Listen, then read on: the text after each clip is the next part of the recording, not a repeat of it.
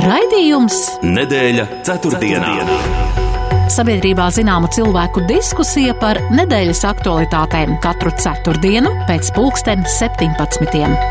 Nedēļa ceturtdienā. Projektu finansē Mēdīju atbalsta fonds no Latvijas valsts budžeta līdzekļiem. Sveicināti kurzemes radio klausītāji! Ir ceturtdienas vakars, un kā ierasts, tiekamies raidījumā nedēļa ceturtdienā. Un tā laikā atkal runāsim par notikumiem pēdējo septiņu dienu laikā. Krievijas prezidents paziņojas par taktisko kodolieroču izvietošanu Baltkrievijā. Eksperti gan norāda, ka tas īsti draudu līmeni būtiski nepaukstina, bet Lietuva gatavojas ierosināt sankciju piemērošanu Baltkrievijai, ko atbalsta arī Latvija. Liepājā apskatē izlikts Ukrainas pilsētā Bučā neutralizēts Krievijas armijas tanks. Tas ceļos pa vairākām Latvijas pilsētām. Savukārt Lietuvā aplūkojama kaujās Ukrainā piedalījusies ātrās palīdzības automašīna. Latvijas valdības darbam 23. aprīlī apritēja simts dienas. Tās centrālais sauklis un mērķis ir ekonomikas transformācija. Lai gan īsti nav saprotams darāmais, lai šādu mērķi sasniegtu. Pārmaiņas iecerētas sabiedrisko mēdīju darbības struktūrā. Latvijas radio 191 darbinieks parakstījis vēstuli, lai apturētu apvienošanas procesu, jo nav īstas skaidrības, ko apvienošana sevī ietver. Aizvadītajā nedēļā valsts valodas centrs apbalvojas mēdījus, kuri ikdienas darbā īpašu uzmanību pievērš latviešu valodas kvalitātei. Šie izdevumi saņēmuši tiesības izmantot zīmolu laba valoda. Vēl mārts tika atzīmēts kā Nacionālais miega veselības mēnesis, cik daudz uzmanības pievēršam veselīga miega nozīmē savā ikdienā. Bet jau šajā nedēļas nogalē sabiedrība aicināta iesaistīties putnu dienu pasākumos un kādas no tēmām aplūkosim plašāk kopā ar raidījumu viesiem. Šobrīd mums studijā ir vien, viena no viešņām - viduskurzemes laikraksta kurzemnieks, galvenā redaktore Daiga Bitiniece. Labdien! Labdien! Un vēl mēs gaidām pieslēgšanos mūsu otrajam viesim.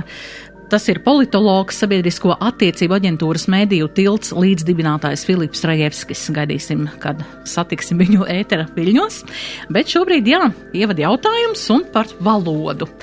Kurzemnieks ir viens no diviem uh, laikrakstiem, izdevumiem, uh, drukātajiem mēdījiem, kas ir saņēmis šo um, iespēju zīmolu, tātad likt uz sava laikraksta laba valoda. Daiga, varbūt jā. Um, ko nozīmē un kāpēc jūs tādu uzmanību pievēršat tieši latviešu valodas kvalitātei? Uh, vispirms es gribētu pateikt, ka mēs jau trešo gadu tiekam pie šāda goda Un tas ir liels uh, kopdarbs. Un īpaši liels tas ir mūsu literārās redaktors un, un korektors uh, Dienas Poriņas darbs, kurai ir ļoti tāda rūpīga un pedantiska uh, šajā darbā. Un pirms tam viņa bija latviešu valodas un literatūras skolotāja, un, un līdz ar to viņai ir arī gan zināšanas, gan, gan, gan prasības. Un kāpēc mēs pievēršam uzmanību? Es domāju, ka varbūt arī vairāk, vairāk arī citi mēdīji un kolēģi varbūt pievērst uzmanību, jo Jo es domāju, ka redakcijā strādājošie žurnālisti, redaktori apzinās, cik ārkārtīgi svarīgi ir uh, laba latviešu valoda, jo kas tad cits to mm, darīs un, un, un kops un, un lietos pareizi latviešu valodu, ja ne, ja ne mēdīji. Uh, taču mm, finansiālu apsvērumu dēļ uh, ļoti daudzās drukāto mēdīju izdevniecībās nav vispār vairs tādu štata vienību kā korektors. Vienkārši nevar samaksāt algu. Un to darbu paralēli citiem daudzajiem simts darbiem dara redaktori, numurredaktori, un es domāju, ka kamēr mēs to varam atļauties, ka mums ir šāds cilvēks, kas valodu uzpasē, tad eh, es domāju, tas ir, tas ir arī tas, eh, nu tā, nu tas, tas ir labi, ka tas mums tā pašlaik ir izdevies. Jā, bet uh, tas ir interesanti, ka tikai divi no drukātajiem mēdījiem, kas bija pieteikti, ir šādu iespēju, šādu zīmolu ieguvuši, um, lai to varētu lietot. Un otrs tā tad ir būvinženieris šis te izdevums, kas ir patiesībā diezgan tāds, nu, Niš, nu, specializēts. Tas ir specializētais jā. izdevums. Jā.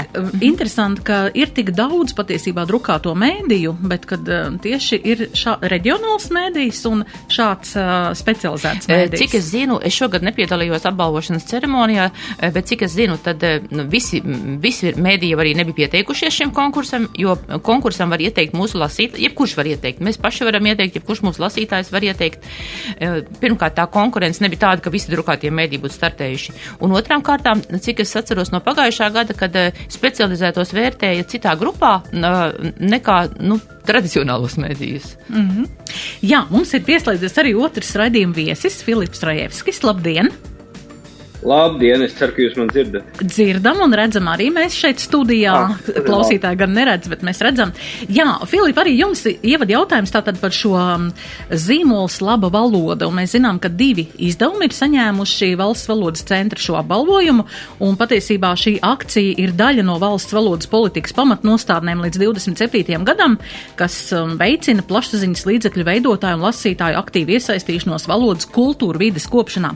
Filip, varbūt jā, no jūsu jūsu pieredze, cik svarīgi jums ir, piemēram, lasot drukātu informāciju eh, valodas labskanībai, kvalitātei, vai jūs pievēršat tam uzmanību, vai jums būtu svarīgs uh, izdevumam zīmols laba valoda?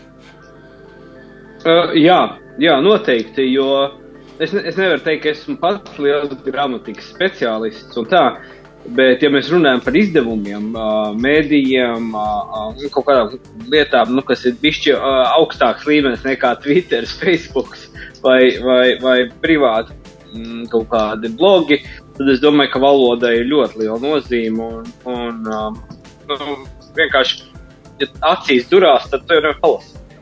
Tas arī tāds jautājums pašam, pašam uh, teksta autoram, vai viņš grib uh, lai saprotu uh, viņa rakstītā jēgu un nozīmi, vai, uh, vai vienkārši cilvēki tiek nu, izsisti no, no tās uh, jēgas nozīmes uztveršanas caur, caur sliktu valodu. Un, un caur to, ka tu skaties, nu, kā tā var, nu, kā var šādi kļūt pieļauts. Tā, tā. Tāpēc es domāju, tam ir nozīme arī katram pašam, kurš rada tekstu, lai, viņu, lai viņš būtu viegli uztverams un tāpat laikā neradītu kaut kādu blakus domas lasīt. Jā, tā kā Daiga arī, jūs varbūt nedzirdējāt iepriekš, bet Daiga teica, ka viņiem ir viņu tātad izdevumā kurzemnieks ir korektors šādā štata vieta, kas uh, uzrauga šo tekstu, kāds tas aiziet uh, drukātā versijā pie lasītāja. Un, uh, kā es saprotu, daudziem nav tādas. Dara. Nav vairs visos drukātajos mēdījos mm. korektori, vienkārši mm, izdevniecības to nespēj samaksāt un to darbu dara redaktori lielajā steigā. Bet es vēl gribēju piebilst, nu pat uh, Filips sacītajiem, ka jā, ļoti svarīgi, lai teksts ir viegli uztverams. Un laba valoda tiešām nozīmē arī to, laba valoda nenozīmē tikai komati pareizai pareizajās vietās vai lielie sākumburtu lietojumi. Tas tiešām arī nozīmē, lai teksts ir mm, saprotams, viegli uztverams, un tas ir arī korektors un literārās redaktors, kas mums ir vienā personā, arī uzdevums, uh, jo žurnālisti raksta ļoti dažādi. Ir žurnālisti, kuri raksta varbūt sausāk, un kur varbūt pat kaut kāds epitets ir jāieliek jāpaspilgtina, un ir žurnālisti, kuri atkal raksta varbūt ļoti plaši un ļoti gari un vajag kodolīgāk. Un arī tas ir šis darbs, kas ir padarīts, kas, es domāju, tajā vērtējumā arī tas tik ņemts vērā kopumā. Jā, man jau šķiet, ka tas tāpat kā valodai nekad netraucē pareiza valoda, bez kādiem liekiem vārdiem, tāpat arī uh, vienmēr netraucē viegli lasāms teksts, kas ir bez liekiem vārdiem, bez liekām uh, pieturzīmēm, kas varbūt ir neloģiski salikts vai locījumos. Jā, tas bija tāds jautājums ievadam, lai mēs iesildītos sarunai, bijā, bet ja tagad runājam tālāk, tad arī turpināsim varbūt par mēdījiem, un tad Saimas komisija ir uh, šonadēļ noraidījusi, atlikusi, nenoraidījusi, bet atlikusi likuma projektu par sabiedrisko mēdīju apvienošanu izskatīšanu.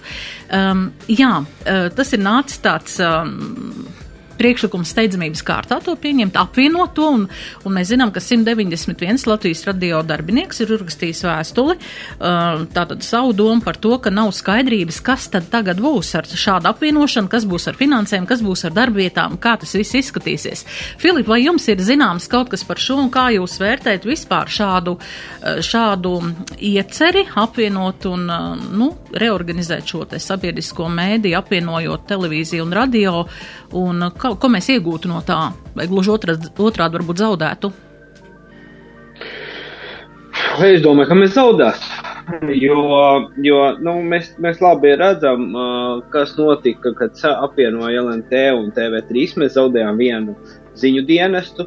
Uh, un, un ja, ja apvienojas televīziju ar Latvijas rādio, nu, televīzijas formāts, viņš vienmēr tāds uh, smagnējāks, viņš ir tāds resursu ietilpīgāks, un tas, es domāju, neizbēgami sāks ēst nost radio. Jo, nu, nu kas tad, nu tā kā, nu tā, tas, man visvairāk nepatīk, ka, nu, kas tad tur radio, televīzija, tas ir spēks, ar radio, nu kas tur radio, kas tur kādu baigo mākslu. Un rādio var kļūt netīšām par tādu piedevu televīzijas, kas būtu totāli nepareizi, jo, jo, jo, jo mēs, mēs šobrīd ieejam tajā laikmatā, kad kontents, uh, vietējais kontents, kontents vietējā valodā ar vietējiem cilvēkiem ir vērtība, jo visu pārējo aizvieto globālās platformas. Tu vari Netflixā pastīties jebkuru filmu, tu vari Disneyā noskatīties jebkuru filmu, tu vari uh, Spotify vai YouTube noklausīties mūziku. Tev nevajag, jūs atceraties, kādreiz bija radio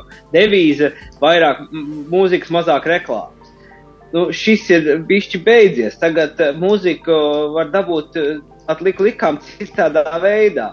Bet, bet šo saturu, kur vietējie cilvēki spriež par vietējiem cilvēkiem svarīgām tēmām un dzimtajā valodā, tas tā ir vērtība un viņa nekur nepazudīs, kamēr šeit būs cilvēki, kur runā latviešu valodā. Un es domāju, ka uh, šādā veidā, kaut kāda efektivizācijas rezultātā, kas samazinās redakcijas skaits, jeb redakcijā žurnālistu skaits, jeb mēdīju skaits, tas ir ļoti slikti. Tas ir saistībā ar to iepriekšējo stāstu, par ko mēs runājam, par dzimto valodu, par latviešu valodu. Tas kaitē valodai un, un, un iznīcina valodu, ja nav satura šajā valodā. Jā, Daiga. Nē, nē, es, es, es domāju nedaudz citādāk. Man liekas, tas jautājums ir plašāk uh, skatāms, jo tā diskusija jau, manuprāt, pirms desmit gadiem, kad sākās uh, uh, tā viena no tām problēmām ir par tām divām ēkām, uh, par to, kuras ir savu laiku nokalpojušas un kurām ir vajadzīgas ļoti lielas investīcijas. Uh, tad ir jautājums arī par to, ka sabiedriskajiem mēdījiem, nu, tā kā būtu vajadzīgs lielāks uh, finansējums, lai viņi varētu būt neatkarīgi, lai nebūtu tā, ka nu, kuri politiķi ir ievēlēti saimā, un nu, vai nu viņiem vairāk vai mazāk patīk, un kurš ir tas finanšu ministrs, kurš to naudu dala, tad vai nu tā vai tā iedod, un tie žurnālisti ir tā kā jūtas tā kā atkarīgi no tiem politiķiem. Tāpēc par, tām, par tiem trim, es tagad tā papētīju, ka tur tajā projektā ir trīs finansējumi tie modeļi, kad tur viens varētu būt no tā iedzīvotāja ienākuma nodokļa kaut kāda daļa no akcijas nodokļa, vai tas varētu būt kaut kāds tāds atsevišķs nodoklis, bet tas, protams, sabiedrība sabiedrībai ļoti jāskaidro, ko tas dotu, bet attiecībā uz redakcijām, cik es saprotu, ka redakcionālā neatkarība ir viens no tiem svarīgākiem jautājumiem, kas tiktu saglabāts. Tas nenozīmētu, nu, kad būtu abiem šiem apvienotajiem mēdījiem nu, tur mazāk žurnālistu vai, vai, vai viens redaktors, nedod Dievs. Un tas strīdus ābols šobrīd, man liekas, ir arī dzen par Krievu valodu, kas arī ir ārkārtīgi būtiski un šobrīd aktualizējies saistībā ar karu Ukrainā un kur nav vienas atbildes. Un, un, un manuprāt, šis, šī situācija, kāda šobrīd ir, tas ir arī akmens kultūras ministrijas dārziņā, jo kultūras ministrija ilgstoši atbild par mēdīju politikas pamatnostādnēm un šīs te pamatnostādnes eh, ir izstrādātas, jo es savulaik pati darbojos žurnālistu asociācijas valdē divus gadus un tieši tās pam, un darbojos, kad šīs pamatnostādnes mēs izstrādājām un, un tās ir patiesībā beigušās, jā, no 16. gada līdz 20. Gadam, un kamēr nav jaunas, tikmēr mēs tā kā braucam pa to, pa to veco ceļu, bet eh, es domāju, ka kultūras ministrijai ļoti jāsasparojās un jābūt arī savstarpējai sadarbībai kultūras ministrijai ar Sepulu, ko speciāli izveidoja, lai šo darbu darītu. Un, bet nevajag sasteigt manuprāt, tiešām nevajag sasteigt, tas ir ārkārtīgi nopietnas jautājums. Jā, uh, Filip, jā, par šo te arī par Latvijas radio 4, uh, par šo, jā, mazākumu tautību, tomēr saprotamā valodā izveidoto kanālu. Nu, e, e, es, es pie iepriekšējā vēl atļaušos piebilst. Mm -hmm. Tātad par māju stāsts jau staigā no pirms 8. gada krīzes laikiem.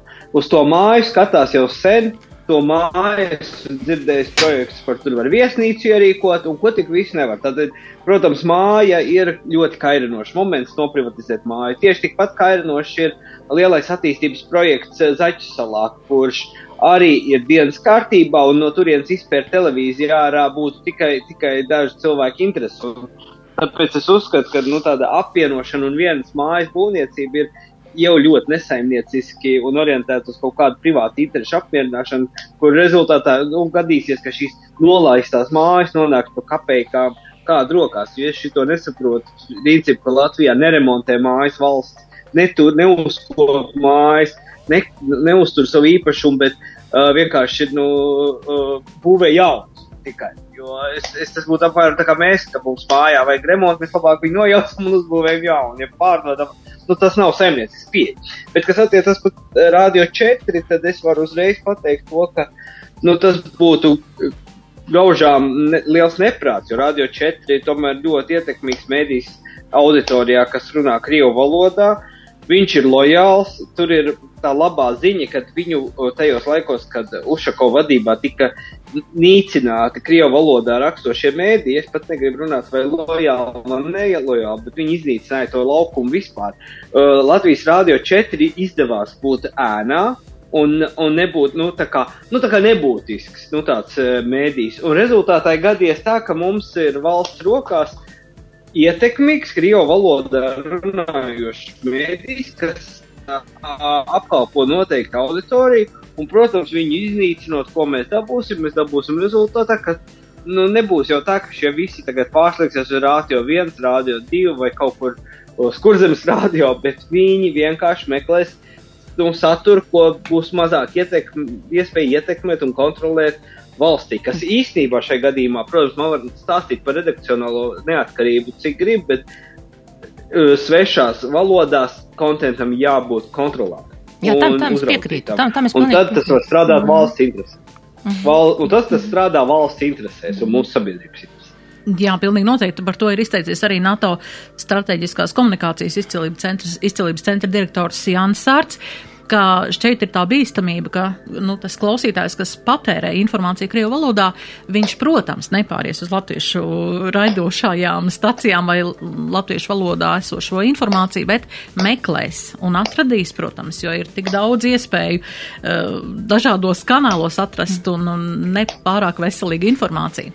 Jā, Daiga, tu par Radio 4. Jā. Jā, ne, es par tavu ēku gribēju pateikt. Par ēku, jā. jā, jo cik, cik, cik es zinu, varbūt es kaut ko tiešām arī nezinu, kad nav jau nolemts, vai ieguldīs un remontēs esošā sāks vai būvēs jaunu, un kur tad atradīsies tas kopīgais un uh, mēdīs, sabiedriskais mēdīs, uh, nu, tā kā tur, tur, tur, tur, es, tur es nezinu, ja par to. Un par, par Radio 4, jā, es domāju, ka ta, tas, ko žurnālisti La, Latvijai lojāli žurnālisti taisa saturu Krievu valodā, es domāju, ka tas ir, nu, ka tas ir labi. Tas ir labi un, un, un tas, tas būtu jāturpina. Un arī dzen, ir vēl viens aspekts, ka tas, ko Latvijas Rādio 4 taisa, viņi arī liek internetā, un šo arī var dzirdēt ne tikai Latvijā, un šo var dzirdēt arī, arī ārpus Latvijas, ja? un tas arī, es domāju, ļoti būtisks aspekts. Jā, vai ir pietiekoši skaidrots, kā jums šķiet, eh, es neesmu daudz dzirdējusi par šo apvienošanas projektu, un es saprotu, ka labi, nu mēs kā sabiedrība nedzirdam, bet mēs, es saprotu no lasītā, ka arī Latvijas radio darbinieki nezina savu nākotni pēc apvienošanas.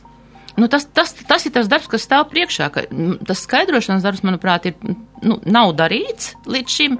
Un, kā jau sākumā sacīju, tas, manuprāt, ir tiešām akmens kultūras ministrijas dārziņā, un, kas atbild par mediju politiku valstī. Un, un tas, tas būtu jādara, un sasteigt noteikti nedrīkst. Tas, ka šobrīd tā apvienošana tā kā atkal tiek atlikta vai, vai piebremzēta, es domāju, es domāju, ka tas ir pilnīgi pareizi, jo tur ir tik daudz aspekti. Tur ir joprojām šis ēku aspekts, tur ir um, satura aspekts, valodas aspekts, redakcionālās niecības neatkarības aspekts, tur ir ieguldījums tehnoloģijās, jo abos divos mēdījos ir nepieciešams modernāka tehnoloģija, savest kārtībā infrastruktūru un tā tālāk, un, protams, finansējuma avoti.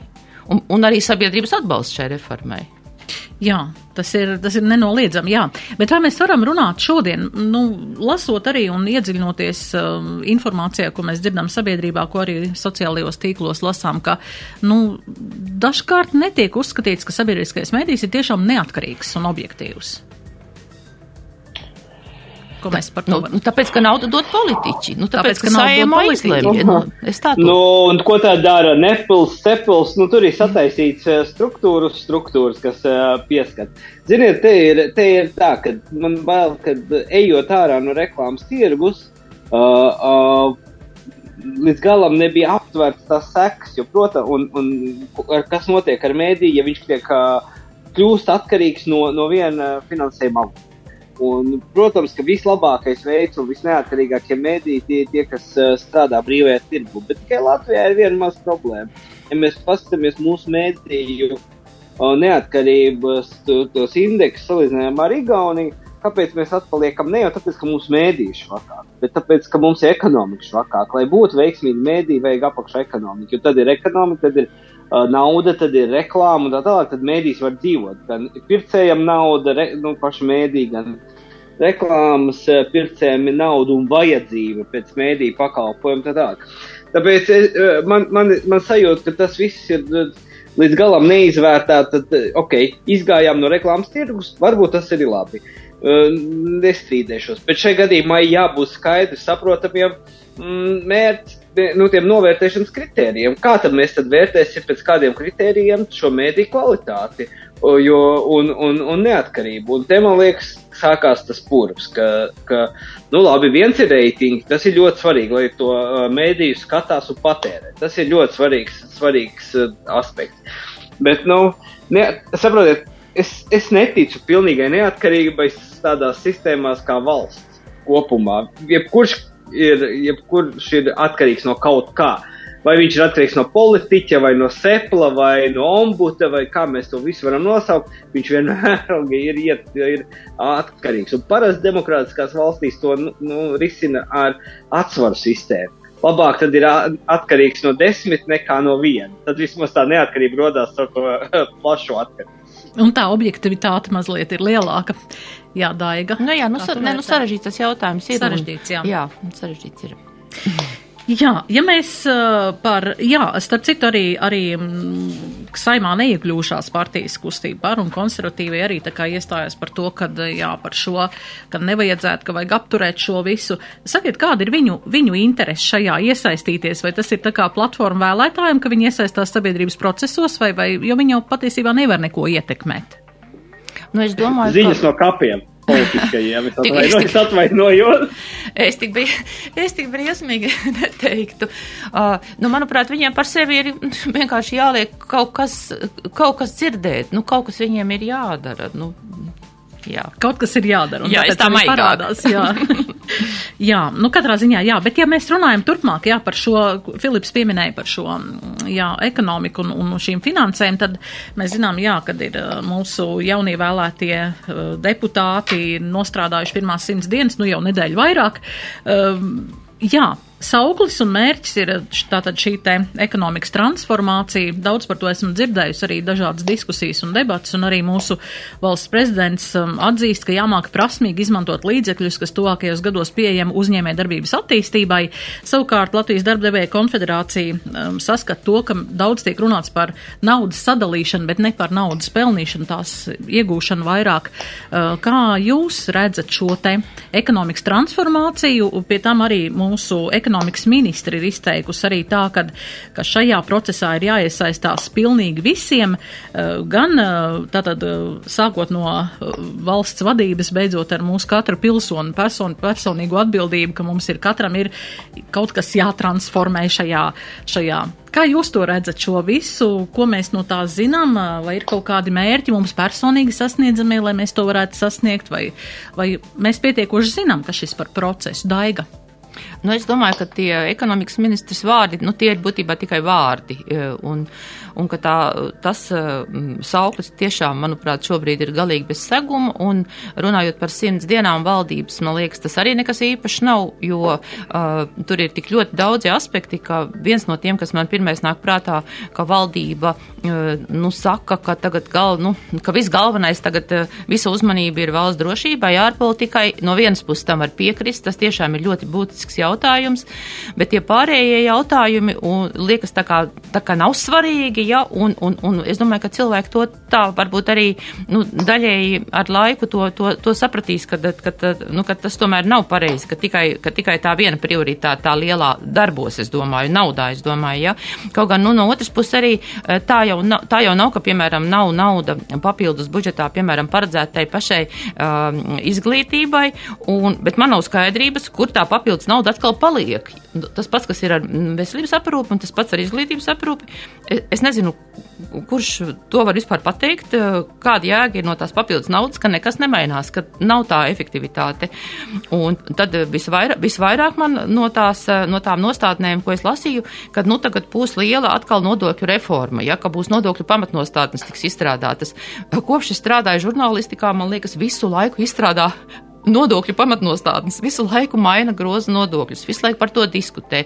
Un es nezinu, vai tur kādreiz kāds gals tiks pielikts. Un man liekas, tas viss drīzāk mulsina iedzīvotājus, nu, tiem, kuriem vispār interesē, kas notiek valdībā.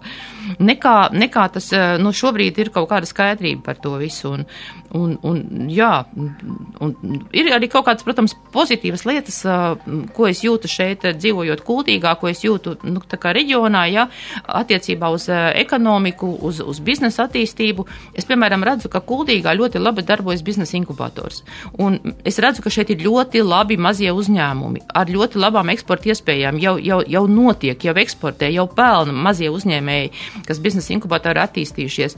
Tā kā, piemēram, tas man liekas ir tāds ļoti pozitīvi un varbūt ir vēl vairāk atbalstāms virziens, kā atbalstīt, jo nebūs eh, nu, kaut kāda lielā ekonomika, lielā rūpniecība tādā pilsētā kā Kuldīga. Es pieļauju arī Talsos vai, vai, vai, vai, vai Cēsīs ja, ka tur tā mazā uzņēmē darbība ir atbalstāma, cik vien tas ir iespējams, un tie biznesa inkubatori ir, ir viens no tiem uh, ceļiem. Uh, un tad vēl no tās valdības iecerēm, manuprāt, ir pozitīvi par tiem zemajiem īres maksas būvniecību novados, jo tas piesaistītu uh, iespēju cilvēkiem šeit dzīvot un strādāt, jo to mēs atkal varam attiecināt uz kuldīgi vistiešāk, kad uh, ir cilvēki, kas šeit nāktu strādāt, bet viņiem vienkārši nav iespējams kuldīgā ne, ne noīrēt, ne nopirkt eh, mājokli. No, no, apmēram tā. Jā, jā, tas par tiem zemiem, zemās īres dzīvokļiem, jā, ir, ir labi. Mēs zinām, ka arī Ventspils gatavo projektus, bet, diemžēl, tiem investoriem tā ir kā ir, ka viņi nemaz īstā, nu, neies, nevēlās iesaistīties. Filip, vai jums ir skaidrs, kas jums ir jādara, lai ekonomika transformētos sākot ar pilsoni? Nu, labs, jā, es nezinu, nu, man te ir skaidrs, ka es privātajā biznesā strādāju, man vienmēr bijusi prioritāte eksports, jo es uzskatu, ka tieši eksports, eksports ir tas, kas baro valsts. Tā ir tā īstā nauda, kas rodās. Un no turien tā ir tā svaigā nauda, kas pieplūst ekonomikai. Un, un arī konsultāciju līmenī es, es pats saprotu, ka tie, kas nāk Latvijā investori, ka tie ir īpaši cilvēki, kuriem attiekties īpaši un kurus vajag iesaistīt. Tāpatās arī es pilnīgi piekrītu kolēģis teiktajam. Nu, ir, ir valsts līmenī ir jācīnās par tiem lielajiem investoriem, bet nevajag aizmirst tos nelielos mazos uzņēmumus, kurus īstenībā sanāk rezultātā visvairāk arī moka visas instances, jo, nu, jāsaprot, ka lielam uzņēmumam uzturē tādu, mm, nu, savu iekšējo birokrātiju un, un, un kas, kas tiek galā ar valsts prasībām, nu, tomēr proporcionāli lētāk nekā mazajam uzņēmumam, kuram uh, tiek ļoti bieži attiecināts tādas normas, it kā tas uzņēmums būtu multimiljardu kompānijas. Un tas ir, ir Latvijas lielā problēma, kas, kas absolūti netiek ņemta vērā. Ja mēs runājam par to digitālo, ne, bet to, to ekonomikas transformāciju, tad, eh, tad es saprotu, ka šobrīd, vismaz no sarunas ar LDDK, uh, vadītāji, es saprotu, ka ir vienošanās, ka nu, paši politiķi arī nezina, kas tas ir. Un ka šobrīd LDDK strādā pie saviem nu, priekšlikumiem un idejām, kā varētu piepildīt. Nu, tas, ne, tas būtu ļoti jauki, ka viņi atzīst, ka, nu, ja tu nezini, tas nu, nav slikti paprast cilvēkam, kas zina, ir organizācija šajā gadījumā. Un ļoti ceru, ka viņi arī ieklausīsies. Jo iepriekšējie četri gadi, jo mēs atceramies, ka iepriekšējos četros gados visi sociālai partneri ļoti nopietni izteica pretenzijas, ka valdība pilnīgi ignorējusi viņus. Un ar ko pie kā tas ir novedis, tieši šajos četros gados mēs esam kļuvuši par atpalikušāko valsti no trim Baltijas valstīm. Un pats bēdīgākais, ka mēs esam ne jau tādēļ, ka tikai uh, lietuvieši dabūjuši lielu pieaugumu, bet tāpēc, ka mums pieaugums ir ļoti nobremzējies, un tas ir daudz bīstamāk. Ja mēs teiksim, tā visi skriet lielā ātrumā uz priekšu, nu, tad var gadīties, ka kāds viens otru tā periodiski apdzer. Bet šobrīd mēs redzam, ka mēs četros gados esam fundamentāli zaudējuši attīstības ātrumā, un tas ir ļoti bīstami, ka mēs nekļūstam par nu, tādu neveiksminieku, ne, valsts valst neveiksminieci Eiropas līmenī. Jā, mums ir maza reklāmas pauzīte, un pēc tam mēs turpināsim. Nedēļa ceturtdienā. Lai tik pūš! Liepājā viss ir iespējams, ja ir īstie instrumenti! Vētrainas atlaides jaunajā kuršu veikalā Liepājā. Zāles pļāvējs tikai 169 eiro, mega atlaides sadalina un pinoteks krāsām un tonēšana bez maksas. Tikmēr elegants šūpuļkrēsls maksā zem simtiņa, bet lamināts 7,79 kvadrātmetrā un siltumnīca Baltika no 549 uz 349 eiro. Preču skaits ierobežots. Kurši īstie instrumenti? Pareizi kopts un gudri apsaimniekots mežs dod iespēju nopelnīt katrai paudzei. Meža saimniecības uzņēmums Kuršu mežs sniedz konsultācijas pareizes meža apsaimniekošanas jautājumos, pērk augošu koku cirsmas un meža zemes. Kuršu mežs ir profesionāļu komanda, kura katru savu pakalpojumu izskaidro vienkāršā un klientam saprotamā valodā. Vairāk informācijas www.kuršumežs.lv Nu, nevaru es nosēdēt uz vietas, nu, nevaru. Gāju garām bankas filiālē, iegāju iekšā, ieraudzīju burvīgus, atsaucīgus darbiniekus, kuri man ļoti izlīdzēja. Man kā senioram banknotes attieksme ir ļoti svarīga. Meklē internetā un filiālēs visā Latvijā. Banknote! Nedēļa ceturtdienā. ceturtdienā. Mēs turpinām raidījumu nedēļu ceturtdienā studijas viesi Daiga Bitiniece un Filips Rajevskis. Jā, mēs runājam par šo ekonomikas transformāciju un uh, tieši par šo, uh, ko Daiga arī minēja, par šo nodokļu nemitīgo spriešanu par nodokļiem. Uh, labi, es saprotu, ir laiks mainīgs, ir dažādi apstākļi, ir karš Ukrainā, ir uh, bija Covid-19, ir enerģē, enerģētisko šo te, šīs te cenas energoresursiem ir, uh, nu, paldies Dievam, viņi sāk kristies. Bet š, šī te nodokļu politika, kur ir tas, ka, kāpēc mēs nevaram kaut ko tādu pastāvošāku, pastāvīgāku izveidot? Filip, kā jūs domājat, kāpēc ir mums visu laiku jāuztraucās, kas būs ar nodokļiem, ko, kā mēs, ko mēs? Tam ir vienkārši atbilde. Tā kā politiķiem nav atbildes, kā dabūt ekonomikas pieaugumu, lai, lai augot ekonomikai pieaugtu no, no savāktās naudas apjoms. Tad, tad eh, viņi izdomājuši metodi, kad tad vajag pacelt nodokļus, ja tu, ja tu zini kā. Uh, nu, un un šis, ir, šis ir tas bīstamākais, ka, kad savu neizdarību nespēja iedarbināt ekonomiku, tiek kompensēta ar vēlmi. Nu, tad, ja mēs mā, nemākam to, tad, tad labāk tad mēs to govu vienkārši divreiz vairāk slauksim. Nu, stiprāk slauksim. nevis, nevis iedosim viņai ēst un panāksim, lai viņi dod vairāk piena. Jā, Daiga. Jā, jā es, es pilnīgi piekrītu, ka tas ir tiešām nu, diezgan, varētu teikt, nomācoši uzņēmējiem, jo uzņēmēji jau ir arī tie, kas pelna šo naudiņu. Un, Un, teiksim, es to varu arī attiecināt uz savu mazo biznesu, uz, uz mūsu izdevniecību. Un, un mēs jau, nu, mēs visi patiesībā redzam, cik daudz mums aiziet nodokļos no tās aldziņas, ko uz papīra mēs uzrakstam, kādus mēs uzliekam honorārus, kāda ir mūsu alga, un kādu beigās pēc tam mēs saņemam savos kontos. Un, un tā ļoti atšķiras, ja, cik, cik liela daļa tomēr aiziet projām no tā valstī. Un es pat iedomāties nevaru, ja vēl kāds no tiem nodokļiem, kas ir jāmaksā gan darba ņēmējiem, gan darba devējiem, tiktu palielināts vai vispār to nu, spētu izturēt mm, daudzi biznesi. Mm, jā, tas, tas, tas, ir, tas, tas, tas ir ļoti nomācoši un ne, nepareizi, manuprāt. Nepareizi pieeja valsts attīstībai. Nu, jā, un es tikko uzmetu uz kalkulātoru, ka tas, pa ko runā šie trīs 3% punktu no IKP, pa ko runā finanšu ministrs, kas mums tā kā pietrūkst. Tas ne vairāk, ne mazāk ir kaut kādi 900 eh, miljoni eiro, kas varētu tikt izņemt no mūsu kabatām. Tad mēs varam sadalīt tos 900 miljonus uz 1,9 eh, miljonu iedzīvotāju un saprast, cik tas mums maksās. Tāpēc man šis, man absolūti nav entuziasma par šiem uh, saulēniem tekstiem, ka mums jāmaksā lielāka nodokļa, un tad mēs dzīvosim labāk. Es domāju, ka tur būs tieši pretēji.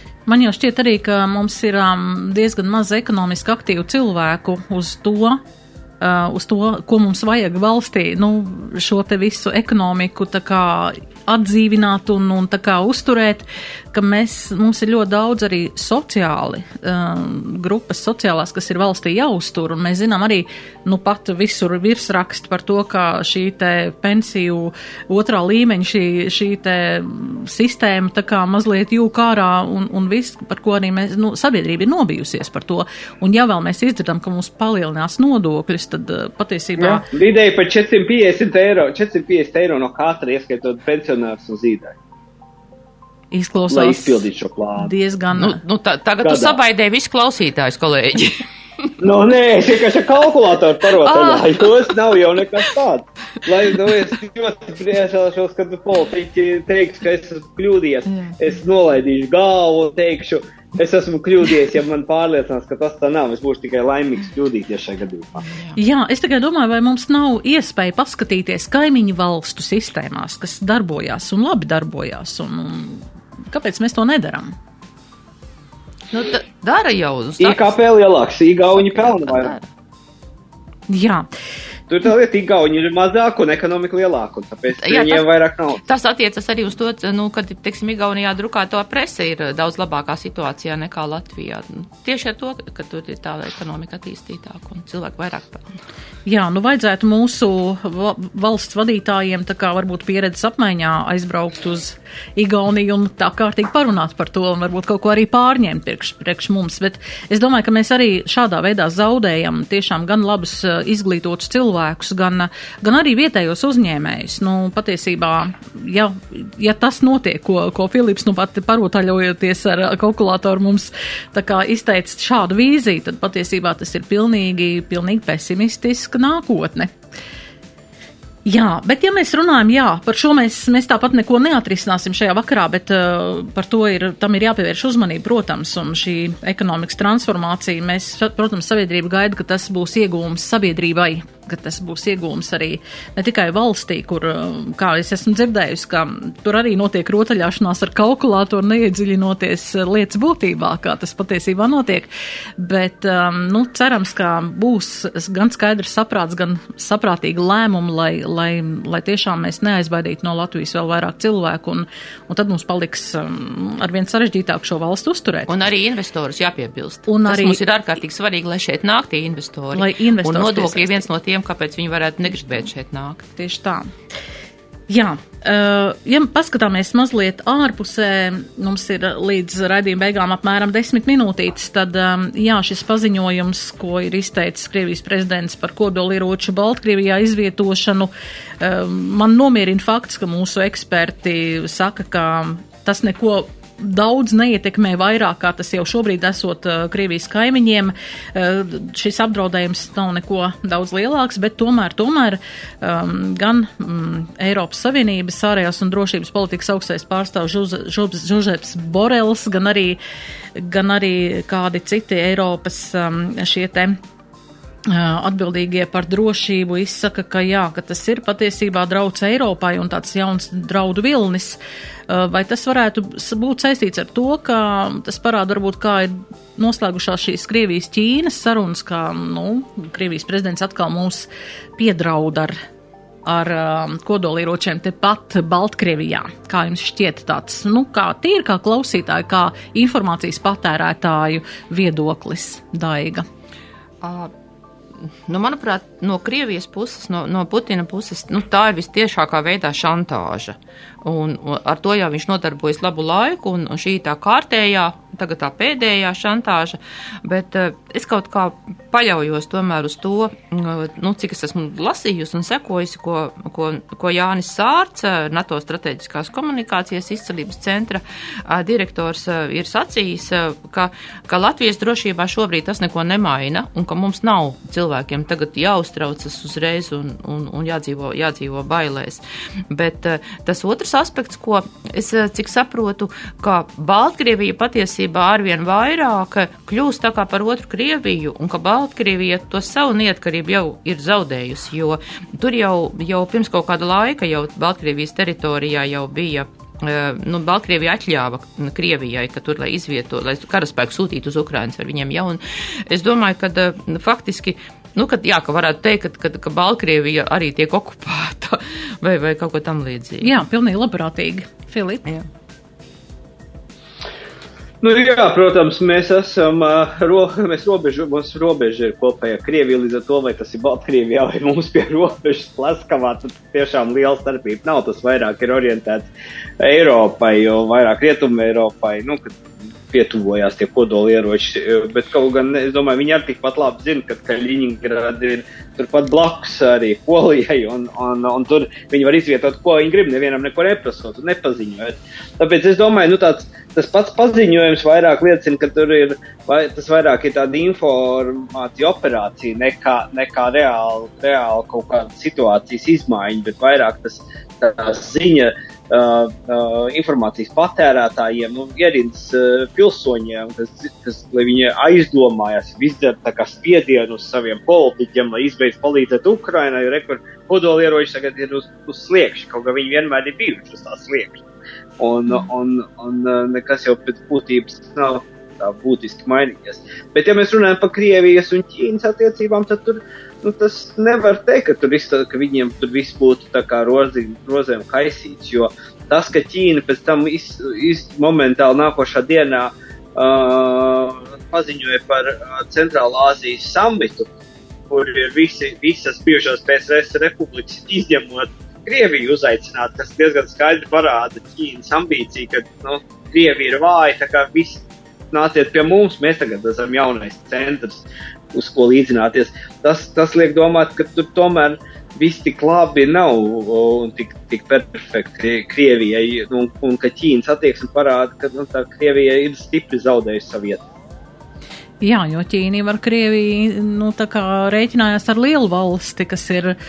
Viņiem interesē, ka Krievija ir ekonomiski stipra un patstāvīga. Uh, bet nu, šis, ir, šis karš ir novājinājis pamatīgi šo ekonomiku, ja jau pat viņu šie mēdī jau runā par to, ka tomēr šī ekonomika ir iedragāta no, no sankciju ietekmes. Tā kā, tā kā jā. Un arī militāri, arī militāri militāri. bija interesi, ka Krievija ir kaut cik nekāda. Nu.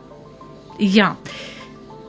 Par karu vairāk nē, par šīm lietām nē, mums ir dažas minūtes līdz raidījuma beigām, bet par šo gan es gribu no jums viedokli dzirdēt Viļņā. Tātad ir apskatāms sašauts Ukrainas mediķu transporta līdzeklis izvietots, ar ko ir pārvadāti šie ievainotie.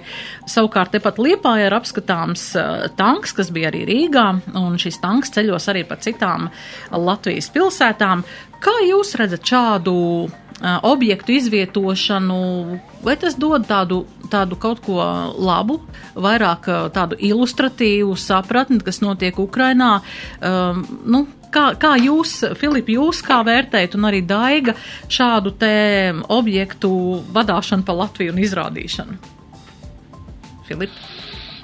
Es domāju, ka jā, nu viņiem jābūt. Nu, tas, tā, tā, tas, tā, tas kara tuvums ir, un mums, nu, mums nu, visi runā par to kara nogurumu, nu, tas tādā kontekstā ar Ukraiņu, palīdzību Ukrainai, bet es tomēr domāju, ka viens ir tas kara nogurums, uh, nogurums skatīties to, kas notiek Ukrainā, bet ir jau otra lieta, ka mums ir jāspēj nezaudēt uh, asumu un sapratni, ka tas īstenībā tiešā veidā attiecās uz mums. Un šī tehnika arī ir tā, kas, kas uh, ļauj vismaz kaut kādā mērā ļauj mums projicēt, ka tā ir arī mūsu problēma un ka mēs arī varam nonākt šādā situācijā un ka tas ir bīstami priekš mums tiešā veidā.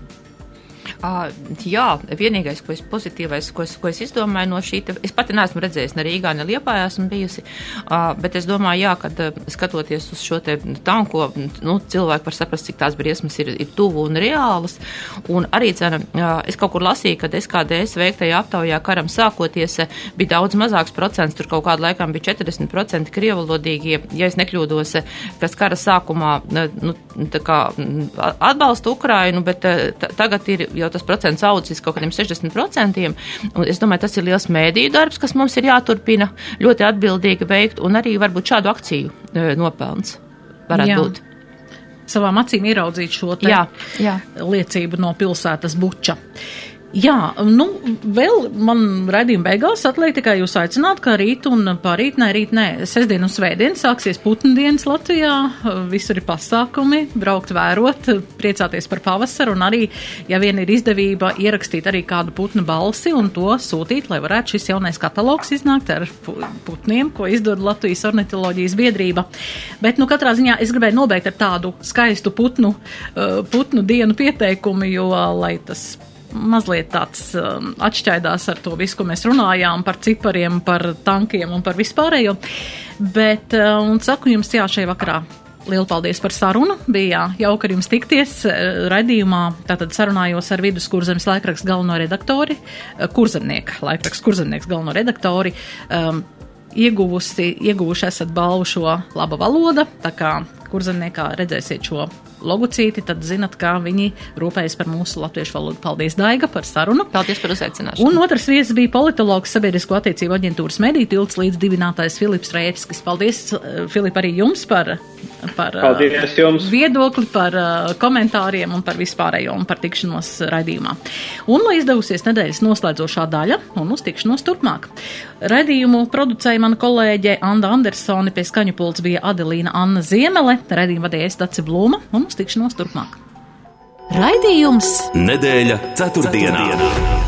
sabiedrībā zināma cilvēku diskusija par nedēļas aktualitātēm katru ceturtdienu pēc pulksten 17. Nedēļa ceturtdienā. Projektu finansē Mēdīju atbalsta fonds no Latvijas valsts budžeta līdzekļiem.